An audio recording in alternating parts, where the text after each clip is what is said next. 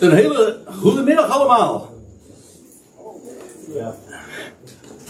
En inmiddels bent u allemaal uh, gereed en ik ook. En het is de tweede keer binnen één maand dat u uh, met mij opgescheept zit. Zo ervaar ik het zelf niet, maar, uh, en hopelijk u ook niet. Maar in elk geval, het was de vorige keer, dat was 23 januari, dat ik sprak over het onderwerp de liefde van Christus dringt ons.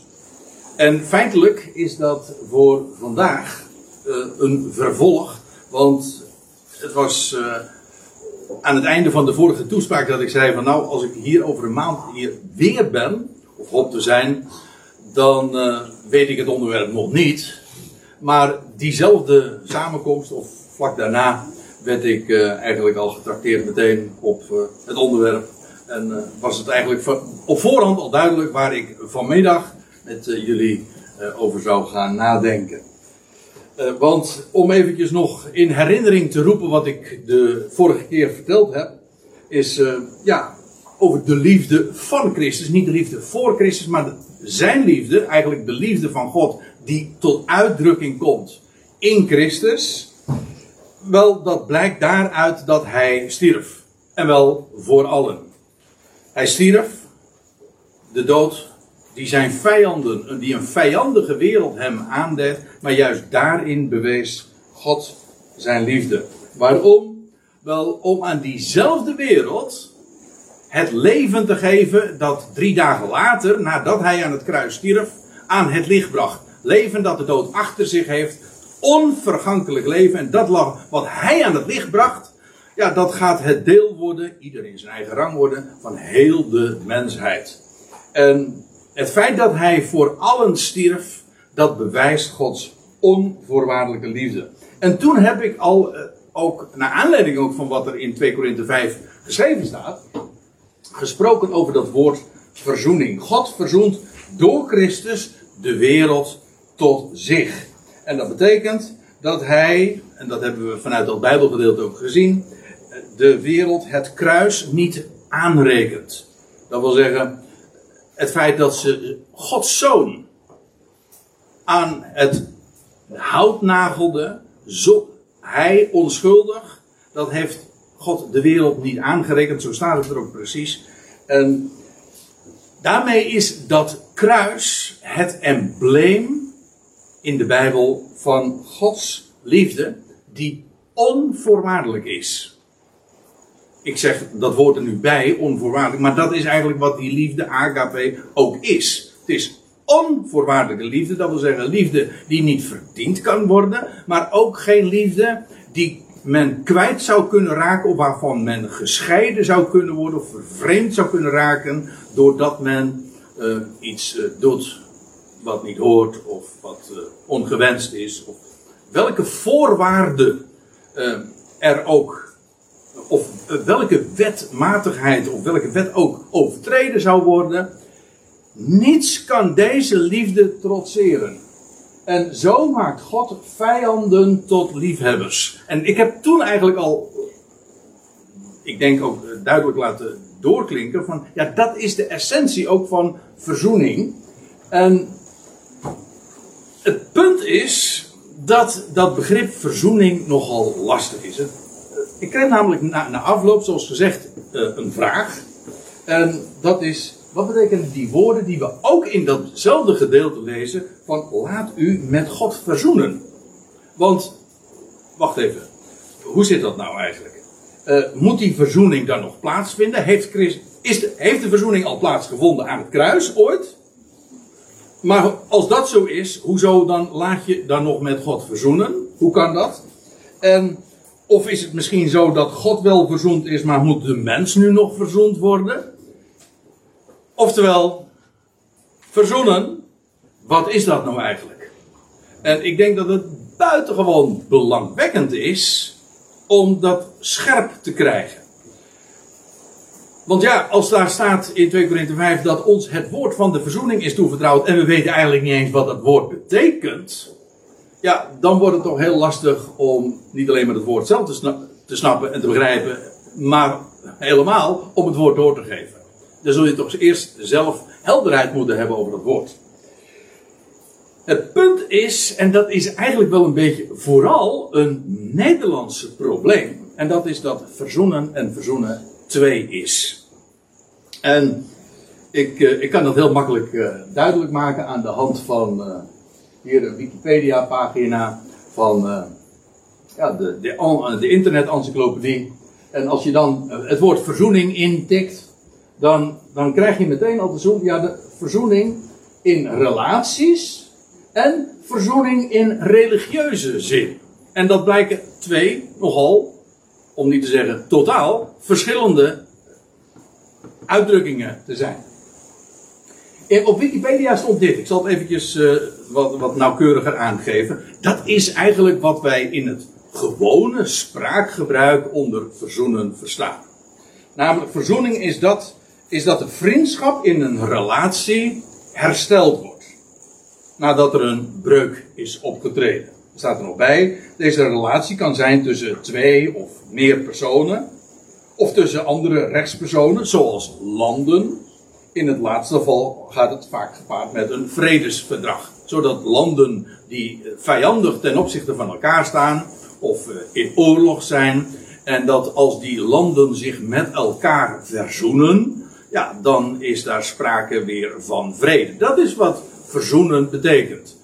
In een iets afgeleide zin hebben, spreken we ook over je verzoenen met uh, een bepaald lot. Het feit, je hebt iets gehoord uh, wat, uh, waar je buitengewoon veel moeite mee hebt, waar je conflict, innerlijk conflict mee hebt. En als je je daarmee verzoent, dan wil zeggen, het conflict is voorbij. Er is, je hebt er vrede over gekregen. Maar in beide gevallen, ook in deze laatste zin, betekent dat dus, er is geen conflict meer, er is vrede. Conflict, vijandschap, vervreemding hebben plaatsgemaakt voor vrede.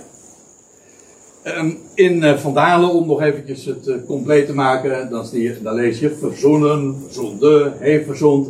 En dan staat er ook meteen als betekenis bij, de vijandschap laten eindigen. Zich met iemand dus verzoenen.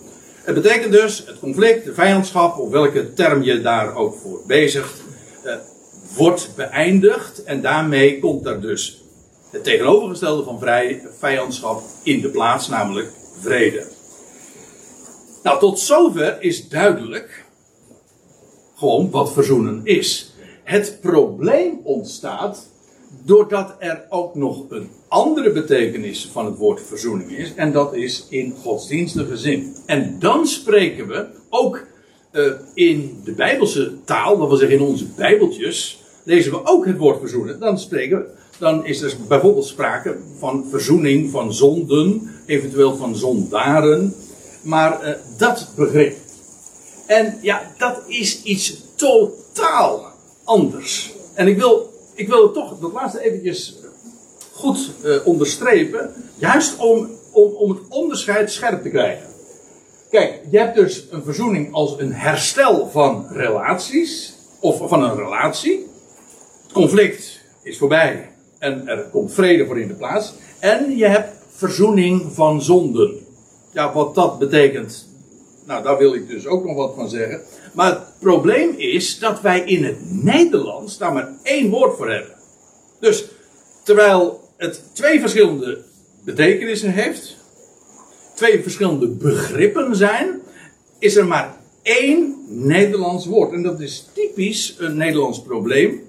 Ik zeg niet exclusief, maar, maar alle in het Engels bijvoorbeeld, die, hebben, die onderscheiden deze beide begrippen wel keurig. En dan heb je de woorden conciliation of reconciliation en propitiation.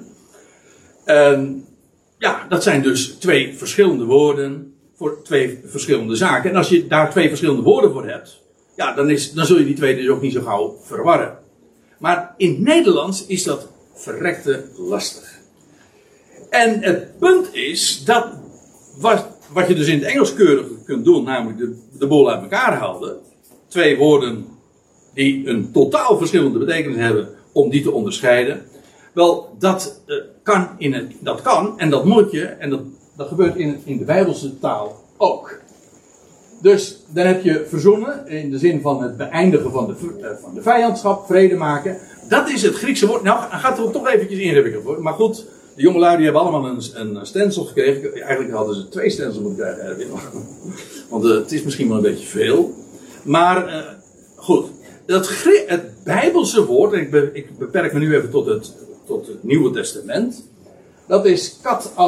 En dat betekent letterlijk, kat, dat heeft, heeft te maken met neerwaarts. En dat alasso, dat heeft te maken met veranderen.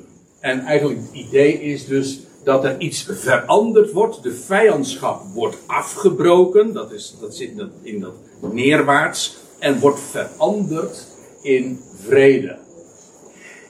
Opmerkelijk dat in het Nieuwe Testament dit werkwoord, maar ook de afgeleide werkwoorden en ook het zelfstandig naamwoord. Ik heb hier even expres onderaan het scherm, dat kun je niet zien, maar als ik het op het internet zet, eh, de PowerPoint, dan uh, kunt u het allemaal nog eens een keertje, als u dat wil, precies checken. Uh, maar al die termen, die, zoals we dat in het Nieuwe Testament hier tegenkomen, van verzoenen en verzoening en alle varianten daarin, die komen we uitsluitend bij Paulus tegen. De apostel van de natie. Eigenlijk dus ook uh, juist dat woord wat voor ons van zo van groot belang is, omdat dat gericht is aan de volkeren, de niet-Joden. Uh, dat is dit woord. Alleen Paulus gebruikt het. Kijk het maar naar in die lijst. En in de alle, hij gebruikt het ook één keer in de alledaagse zin van het woord. Dat wil zeggen meer in de gewoon de intermenselijke omgang. Zoals wij ook over verzoenen spreken. En dan zegt uh, in 1 Corinthië 7 vers 11. Dan wordt er daar gesproken in verband met twee echte lieden die gescheiden zijn. En dan staat er laat haar ongehuwd blijven. Of verzoend worden met de man. Dat wil zeggen, er is conflict, er is verwijdering, of ze zijn uit elkaar. En dan, er is sprake dan van verzoening. Dat wil zeggen, het conflict wordt beëindigd en het wordt bijgelegd. En dat is wat verzoening dus is. Hier gewoon in de gewone intermenselijke taal zoals we dat uh, gewoon zijn te gebruiken. Anders is het met dat woordje van uh, wat wij ja, in onze Bijbelvertaling ook verzoening heet, maar dan verzoening van zonde. En dat is het Griekse woord hilaskomai. Voor degenen die het interessant vinden en belangwekkend genoeg, die noteren dat. Maar ik wil het even vermelden om aan te geven, ja, het is een heel ander woord. En dat betekent eigenlijk zoiets als gunstig stemmen. Uh, vanuit, uh, ja, dat is dan de, de Griekse vertaling van de, de, onze Hebreeuwse Oude Testament. is dit het, het oorspronkelijke Hebreeuwse woord, dat is kafar. En je herkent dat nog in het woordje uh, kippur.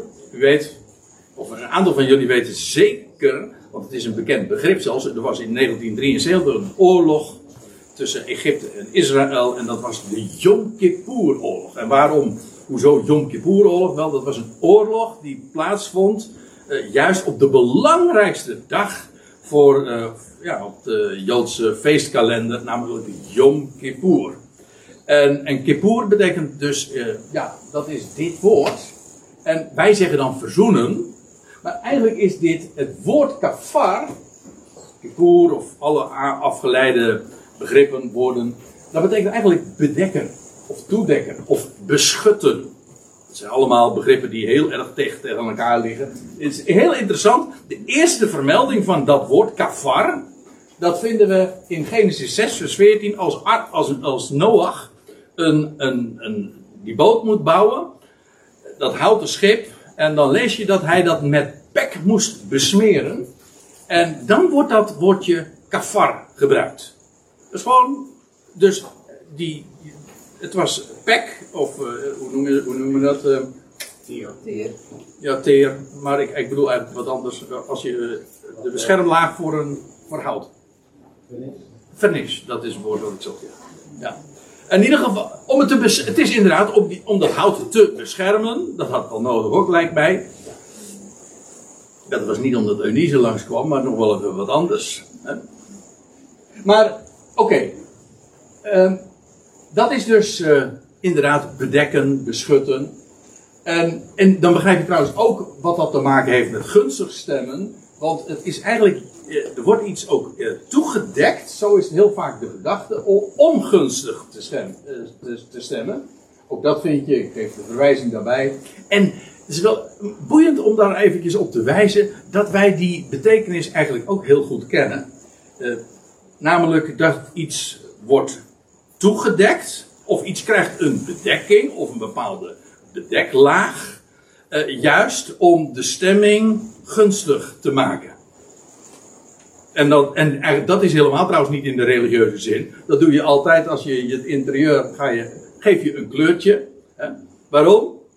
Nou, omdat, eh, omdat het, in, eh, omdat het in, de, in de nieuwe kleur bijvoorbeeld, je, je maakt de wand blauw, want je wil wat ruimtelijke effecten, voel je je wat fijner en het geeft wat meer, eh, ja, het geeft wat meer ruimte. Of trouwens, dat geldt ook voor kleding, is ook bedekking.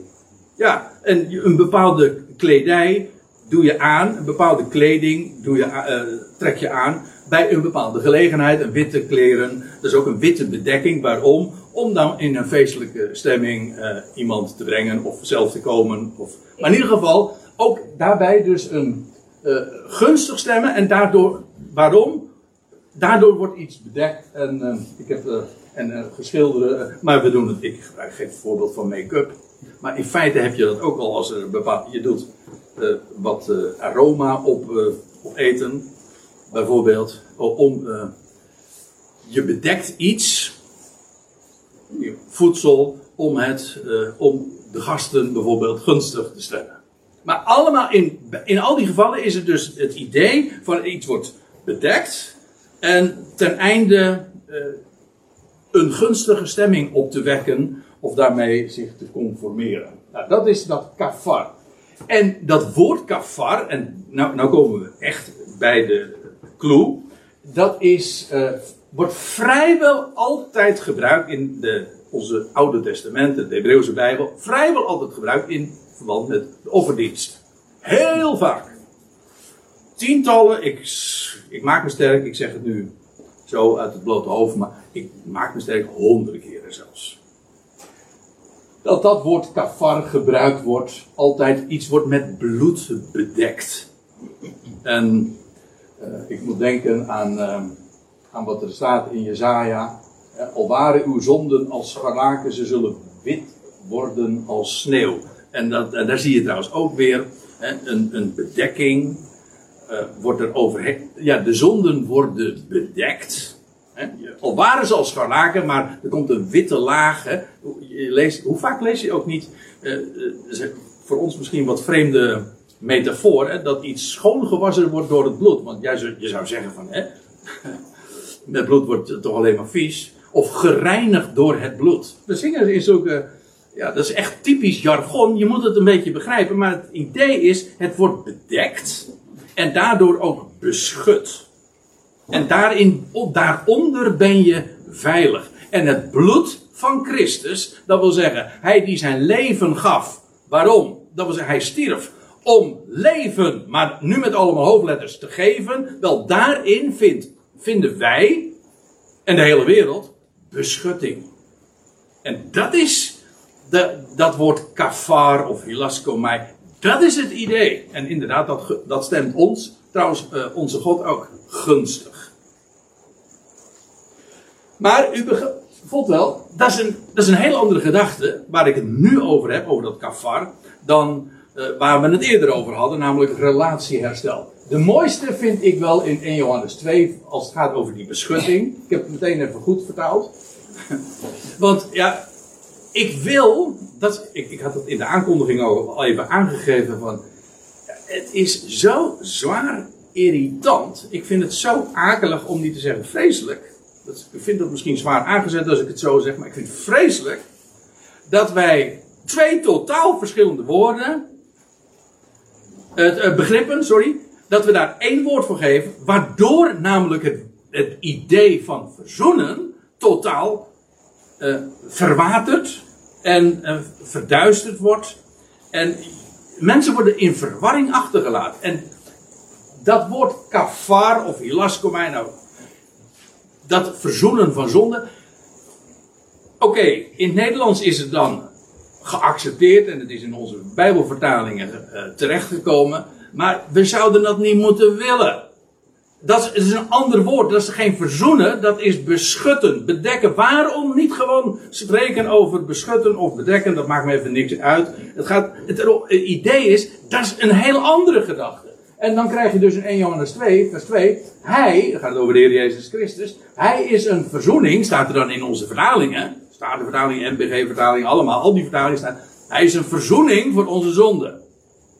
Nee, ja, maar het is dat hier, hier heb je weer dat hilasmos, hilaskomai. Het is een beschutting. Hij is een beschutting wat betreft onze zonde. En dat zegt hij er nog trouwens bij. Echter niet alleen wat betreft de onze, maar ook wat betreft die van de hele wereld.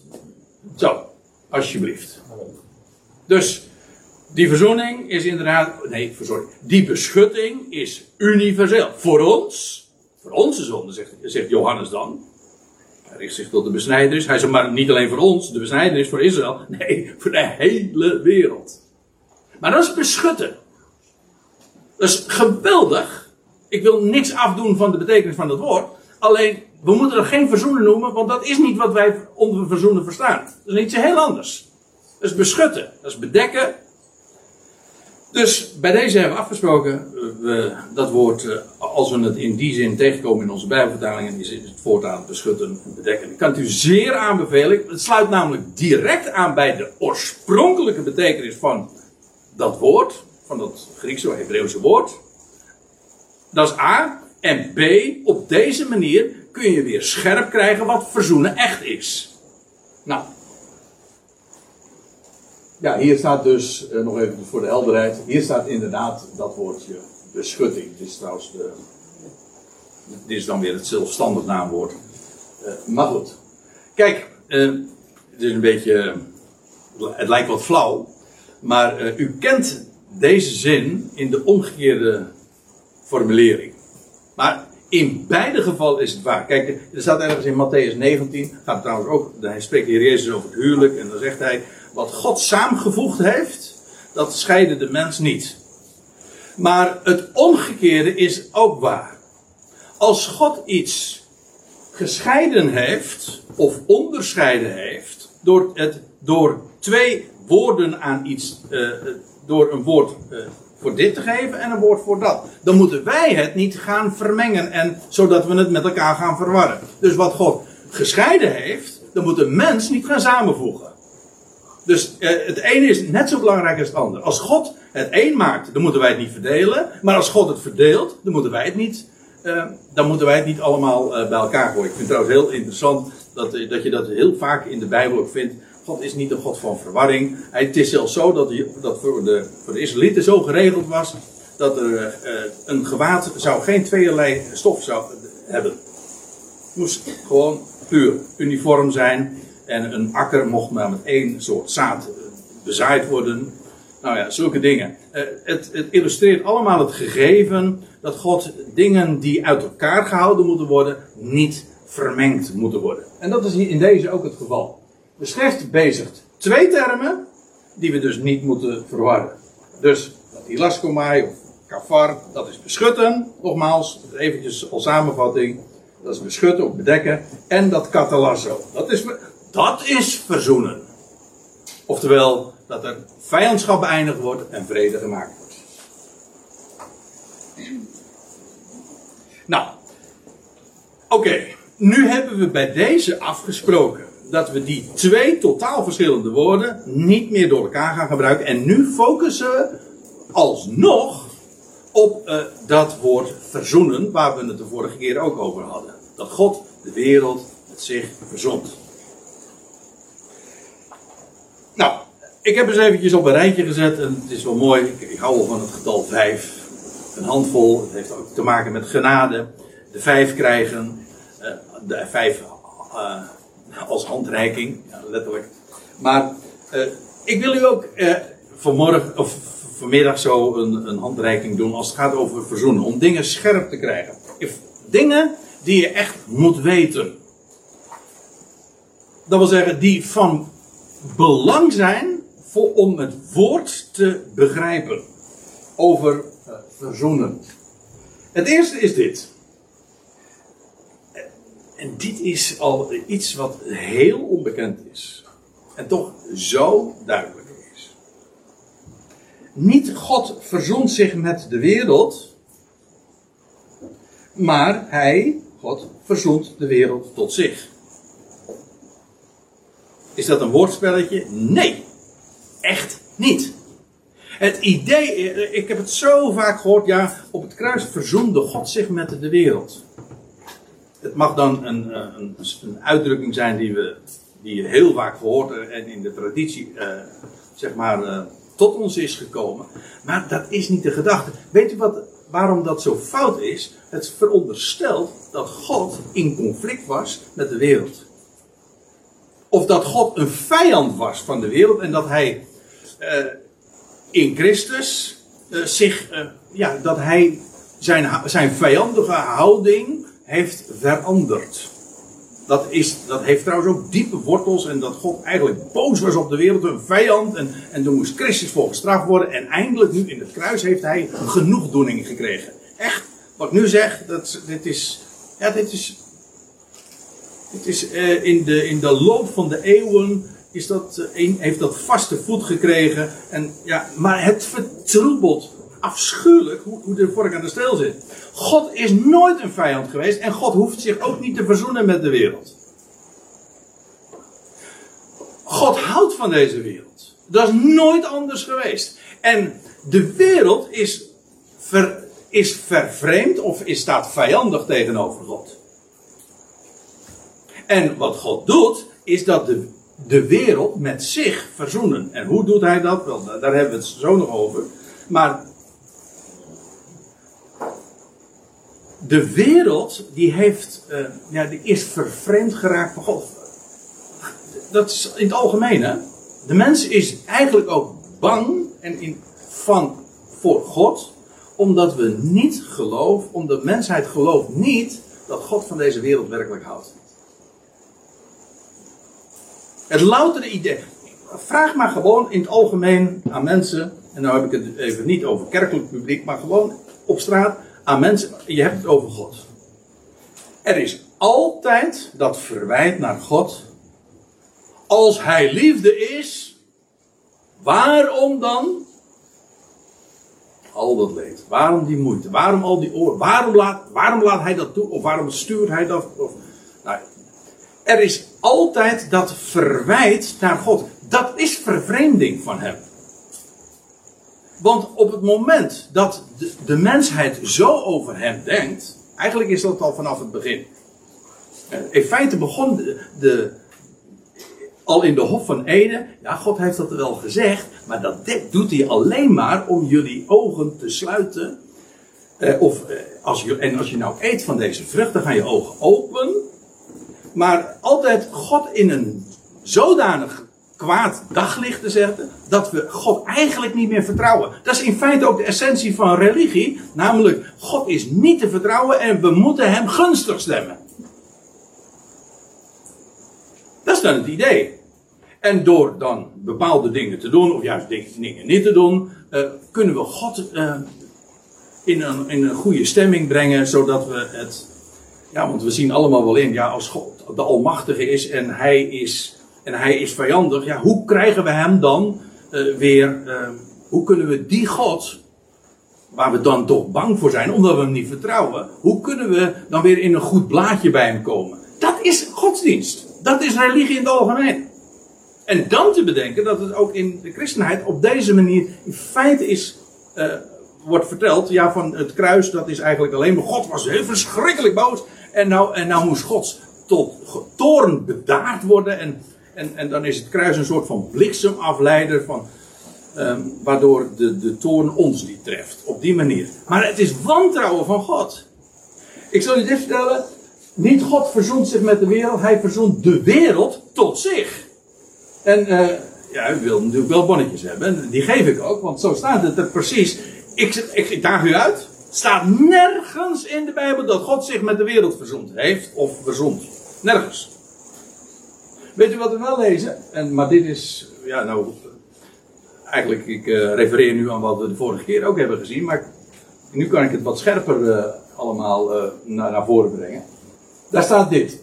Alles echter is uit God die ons tot zichzelf verzoent.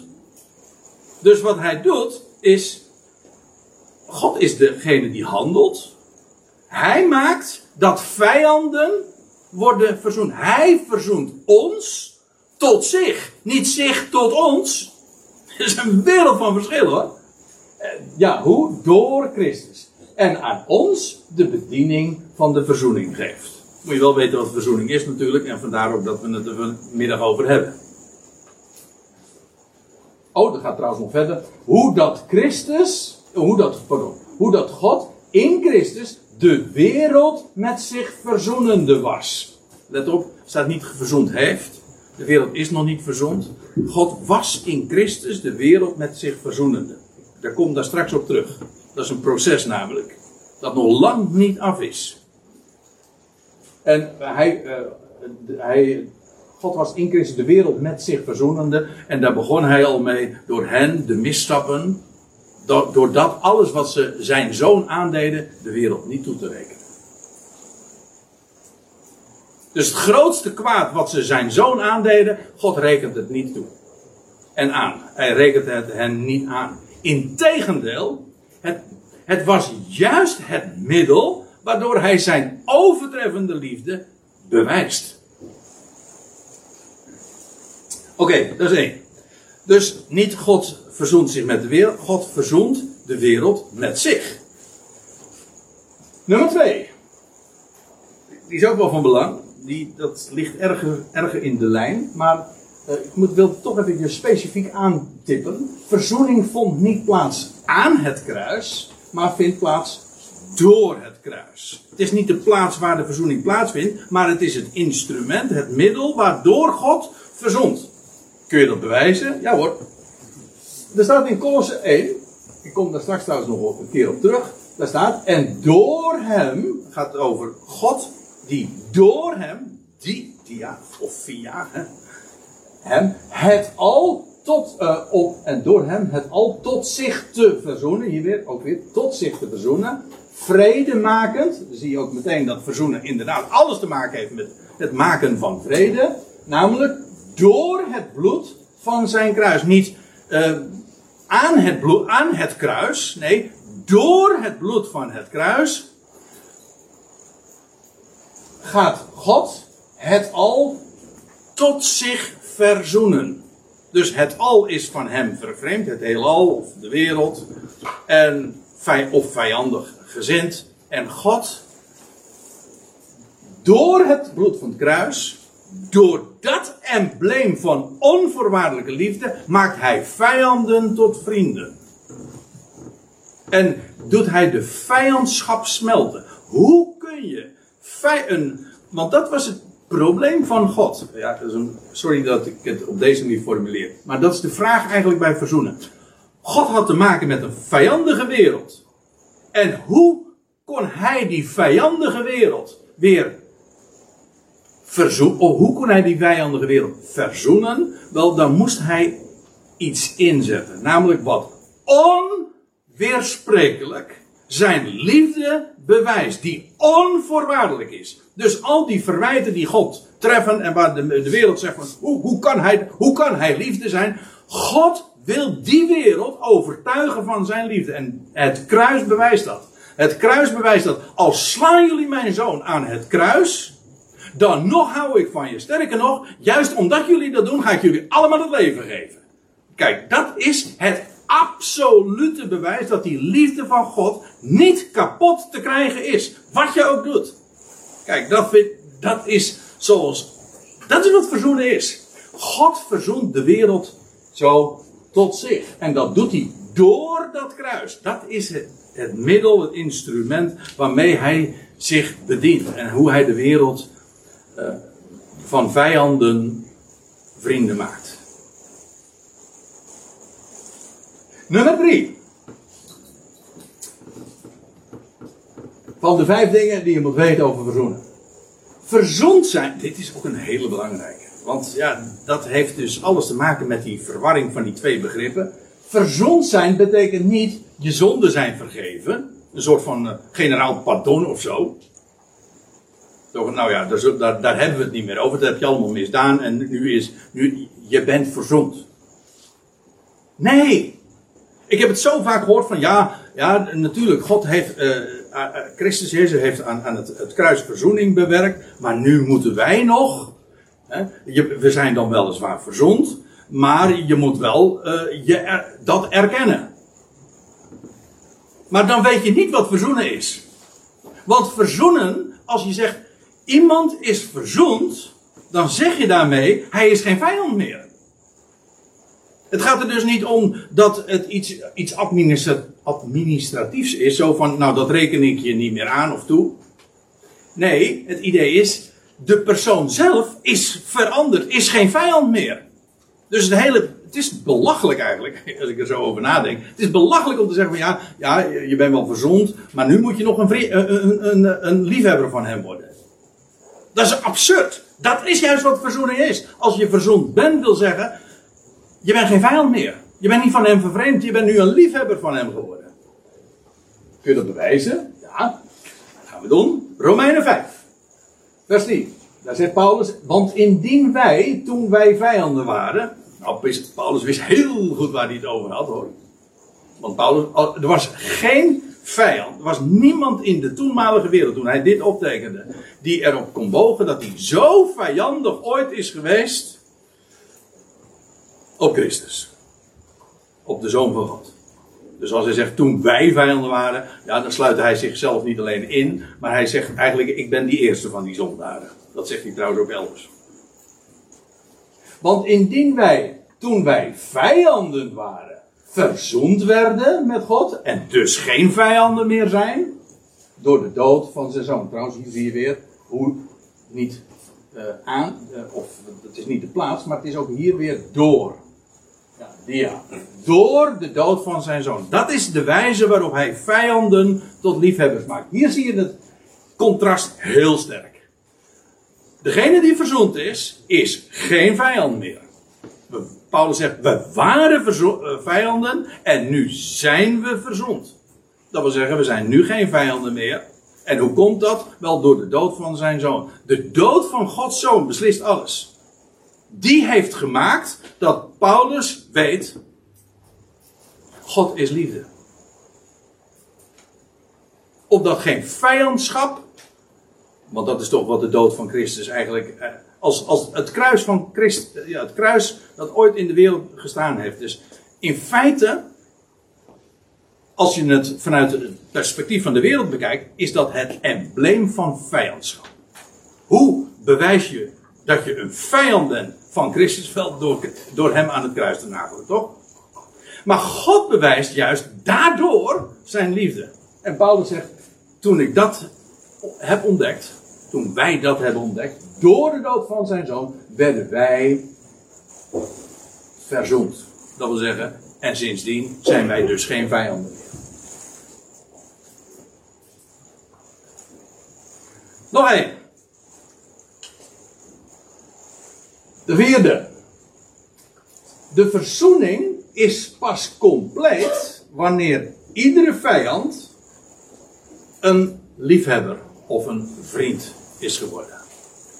Ik gaf het al even eerder aan, ik geloof bij punt 1, dat die verzoening een proces is. Dat is ook vrij logisch. Het is in God, het de bediening van verzoening begon bij het kruis, want dat is de wijze waarop God de wereld voor zich gaat winnen en vijanden tot liefhebbers maakt.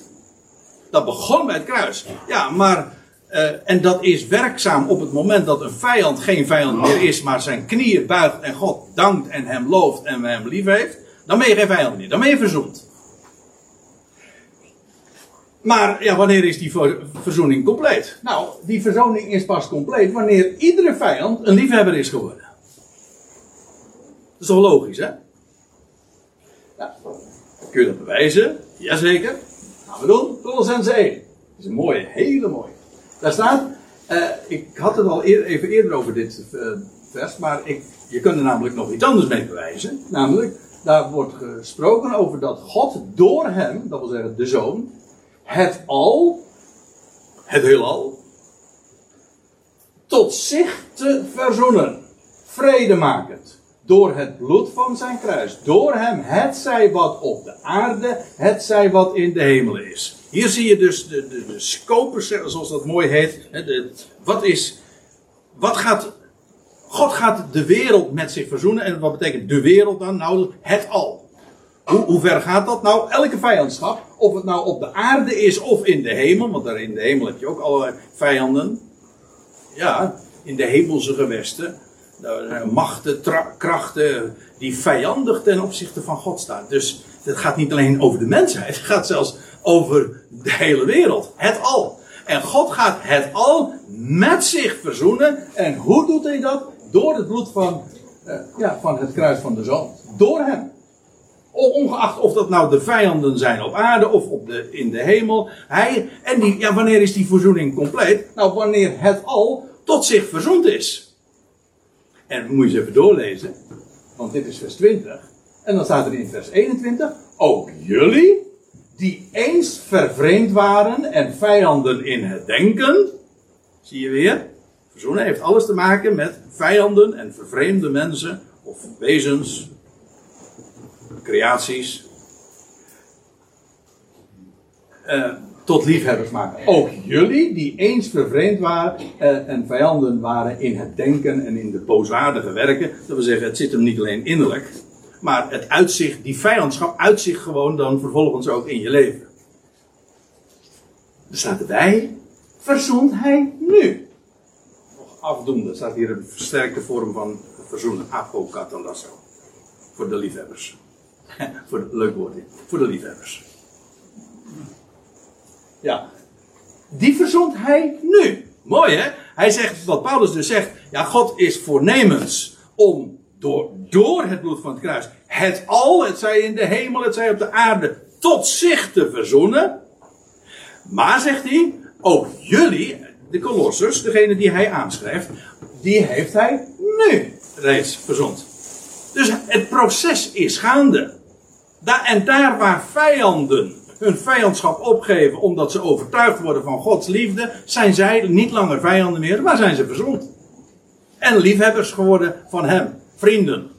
En dan zie je dus het conflict heeft plaatsgemaakt voor vrede, voor verzoening.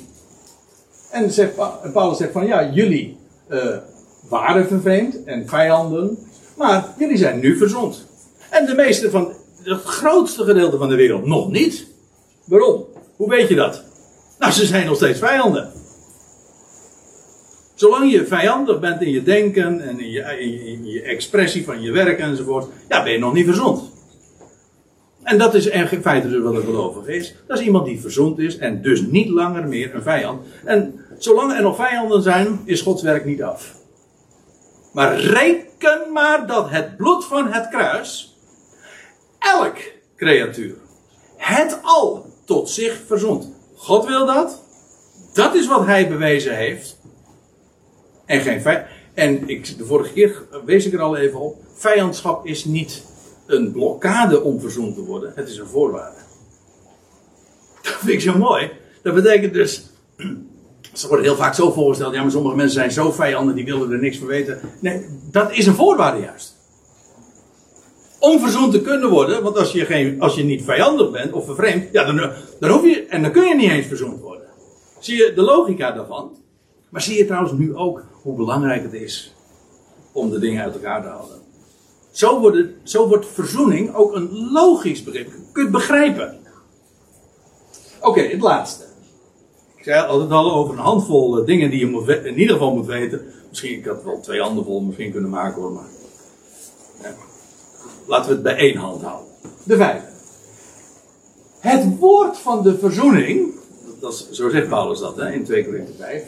Het woord van de verzoening, dat is de proclamatie, dus gewoon de aankondiging. Eh, u weet wat te proclameren is. Het is een herhaald die ergens naartoe gaat. Van oudsher is dat eh, de functie van een, eh, van een omroeper. En die, die kondigt iets aan. Gewoon Bijvoorbeeld in vroege dagen, als dan eh, een belangrijk iemand kwam, bijvoorbeeld de koning, die, die ging een bezoek brengen. En dan werd dat van tevoren door een heraut aangekondigd. Nou, zodat mensen zich erop konden voorbereiden. En het is een mededeling. Dat is in feite ook wat een evangelie is. Een goed bericht, een blijde tijding. En wat is nou de blijde tijding? Dat is het woord van de verzoening. Dat is de proclamatie dat God de wereld tot zich verzoent. Hij maakt vijanden tot liefhebbers. Ik ben daar zo onwijs blij mee. Dat God dat doet. Want dan weet je ook, niets en niemand kan hem tegenhouden. Nogmaals, vijandschap houdt hem niet tegen. Vijandschap is noodzakelijk om zijn werk van verzoening te kunnen doen. En dat is, dat is het woord van de verzoening waarvan Paulus zegt, dat is ons toevertrouwd. Wij vertellen, God is liefde. En dat is niet als een abstractie of als een, als een, eh, als een mooie, mooie strik. Zo van, nou, goh, dat, dat, dat, dat, dat bekt wel lekker of zo. Nee, het is bewezen. En God gaat het bewijzen. En God gaat het zo bewijzen. Dat er geen creatuur in de hemel of op de aarde nog te vinden is. Die daar niet van overtuigd zal zijn. Niemand kan er nog dan iets tegen inbrengen. God is inderdaad liefde. Laat dat maar aan God over. En het mooie is, dat gaat God doen. Het werk van de verzoening is zijn werk. Hij maakt vijanden tot liefhebbers. Ik kom nog een keer op dat woord uit, maar ik lees het nu even langer door. 2 Korinthe 5. Want ja, dat is eigenlijk het hoofdstuk bij uitstek waarin Paulus spreekt over dat woord van verzoening. Hij zegt, alles echter is uit God. Zoals we zojuist zongen. God en God alleen. Dat is ook niet ik weet het, dat, dat, daarvan kun je zeggen van ja, dat is een mooie, dat is een mooie, mooie frase en zo. Maar, ja, maar daar hebben we niks aan. Het, het is echt zo. God en God alleen. Hij neemt het initiatief. Hij staat ervoor ook voor garant dat het, het, het succesvol hebben. Daarom is God ook een gelukkig God. Hè? Alles wat hij zich voorneemt, gelukt hem. Er is niets wat hem kan tegenhouden, want hij is God. Ja, dat is het geweldige van Gods voornemen. Als God dat, dat voornemen heeft. Ja, en hij is God. Ja, wie, wie kan hem dan tegenhouden? God houdt van deze wereld, van elke creatuur. Alles is uit God. Die ons tot zichzelf verzond. Niet de vraag is van wil jij je ook verzoenen met hem? Nee, dat doet hij. Hij verzond vijanden tot zich. Die, die ons tot zichzelf verzond. Ja, hoe doet hij dat? Door Christus. En aan ons, zegt Paulus dan, en zijn medewerkers, en aan ons de bediening van de verzoening geeft. En dan vervolgt hij in, vers 20, ten behoeve van Christus dan, dus van, vanwege, hem, zijn wij ambassadeurs, gezanten, zegt de MBG-vertaling. Maar dat is gewoon een ambassadeur. Iemand die in het buitenland neergezet is om uh, zijn, uh, om zijn thuisland te vertegenwoordigen. En wat is de boodschap? Wat is de boodschap die God voor deze wereld heeft? Alsof God door ons oproept, de behoeve van Christus smeken we u, wordt verzond met God. Ja. En ja, daar staat er in, trouwens uh, nog in het voorgaande vers. En ons zo ook de bediening van de verzoening en het woord van de verzoening heeft gegeven. Ziet u hoe belangrijk het is? Het is maar niet een theoretische kwestie van uh, om, om, om, iets te weten over een Grieks woord, over hilaskomai. En ik weet dat sommige mensen zeggen, als ik zulke dingen vertel, gooi maar in mijn pet. Ik, in Nederlands was ik al zo slecht, dus ga me nou niet vermoeien met, met, uh, met Grieks of uh, Hebreeuws. Prima. Als je maar goed weet dat het woord van de verzoening gewoon belangrijk is, want dat is nu juist wat, waarvan Paulus zegt, dat is ons als ambassadeurs meegegeven. Wij hebben de wereld te vertellen. God verzond de wereld tot zich. Dat is niet jouw werk, want dat doet Hij. En alles is uit God. Alles is uit Hem. Zodat alle roem is uitgesloten en succes verzekerd is. En de oproep is: word verzond met God. Er staat, ja, in de MBG-verstaling staat: word, uh, laat u met God verzoeken. Maar het is geen vraag. Het is ook geen verzoek. Het is een commando zo een gebiedende wijs. Niet in de zin van uh, een, een, plicht, maar meer in de zin van, uh, als ik zeg van ga zitten, dat is ook gebiedende wijs. Hè? Of slaap lekker. Of eet smakelijk, is ook allemaal, is allemaal gebiedende wijs. Ja, maar dat is niet een last. Ga zitten, de stoel staat klaar. Ik nou, wordt verzoend. Dat is als een scheppingswoord. Weet je, in de, in de, ooit, in Genesis 1, klonken ook van die woorden van God. Ook als commando's. En het was al zo, hè. Er staat, uh, er, God zei, dus het eerste wat we lezen, er zij licht. Dat is een commando. En er was licht. En de boodschap nu is, wordt verzoend. En het, waarom is dat zo'n geweldige evangelie? Het gebeurt ook. Want als God dat gebied, er zij licht, er zij verzoening, dan is er ook verzoening. En dan voltooit hij dat. En God heeft de tijd. En nu zijn er nog maar enkelingen. Nou, relatief gezongen zijn, zijn het enkelingen. Een ecclesia, een uitroepsel. Ja, maar God denkt groot. En God heeft, heeft de hele schepping, dat wat hij gemaakt heeft, op het oog. Want hij houdt van zijn schepping. En dat is het werk van zijn handen, zoals Erwin al zei. In zijn gebed. Geweldig. Als je zo'n God mag kennen. En die zo het bewijs levert van zijn liefde voor elk mensenkind. En voor elke creatie. Dat is niet kapot te krijgen. En daar wilde ik het graag voor vanmiddag.